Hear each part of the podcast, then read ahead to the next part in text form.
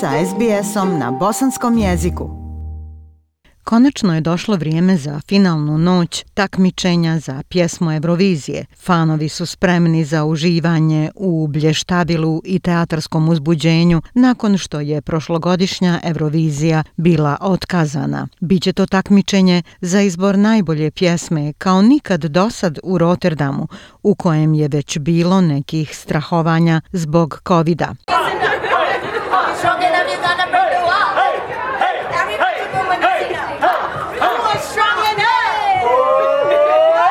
Ruska predstavnica Manis Hasangin zagrijava svoje vokalne mogućnosti pripremajući se za takmičenje za pjesmu Eurovizije. Na 65. poredu Euroviziji, koja se prošle godine zbog pandemije koronavirusa nije održala, takmiči će se 39 učesnika. Pjevačica Natalija Gordijenko predstavlja Moldaviju, a ruski kompozitor Filip Kirkorov napisao je muziku za njenu pjesmu Šuga. Gordijenko kaže... Izbala tako što slatki, We sing about love, joy, and happiness that we want to bring to life for it to be as sweet as these candies that we love.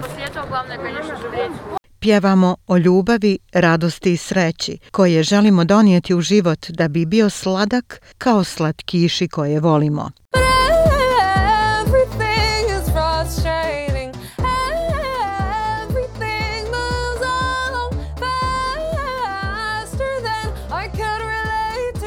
Umjetnica Montaigne je predstavnica Australije, mada se nije plasirala za finalno veče, ostala bi u Sidneju i tamo snimila njen nastup. Nije bila sigurna kako će njena pjesma Technicolor biti primljena putem videa, a da nije izvedena uživo na stage-u. We were doing ours in like a little studio box and over there they'll do it in a massive arena, which uh, accommodates pyro and confetti and all kinds of grand things. So, Našu um, pjesmu um, izveli smo u studiju, thing, a tamo će sve biti u ogromnoj hoping, areni, you know, popraćeno pirotehnikom i konfetima i svim tim grandioznim stvarima.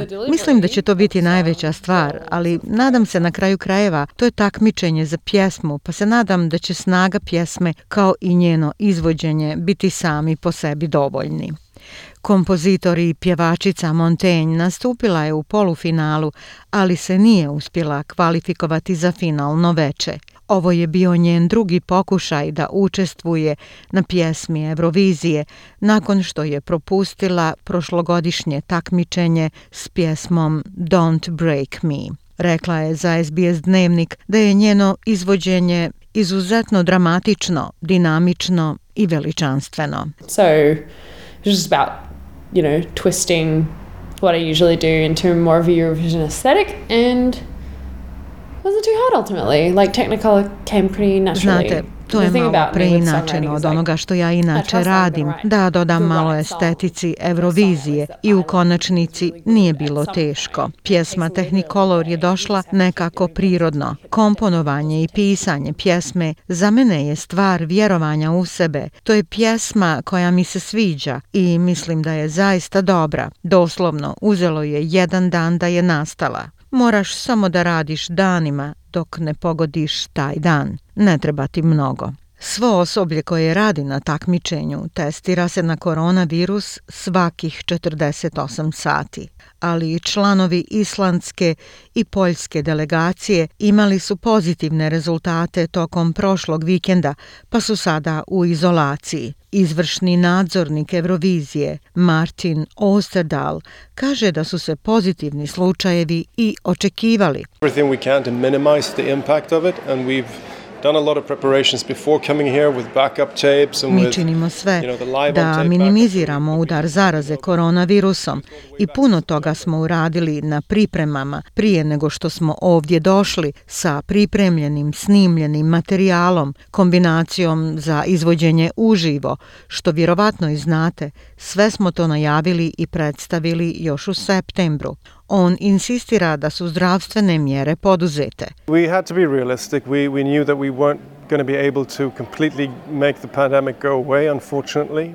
Morali smo biti realni. Znali smo da nismo u stanju da učinimo da pandemija prestane nažalost. Nisam očekivao da se vratimo nazad našim zemljama bez pozitivnih slučajeva. To je samo tako kako je pobjednik 65. takmičenja za pjesmu Eurovizije znaće se večeras i bit će krunisan pred ograničenim brojem gledalaca u Nizozemskoj. Da dodamo da nam je žao što Australka Montaigne nije prošla u finale. Ove godine ni Bosna i Hercegovina nije imala svog predstavnika, ali važna je pjesma i neka živi pjesma.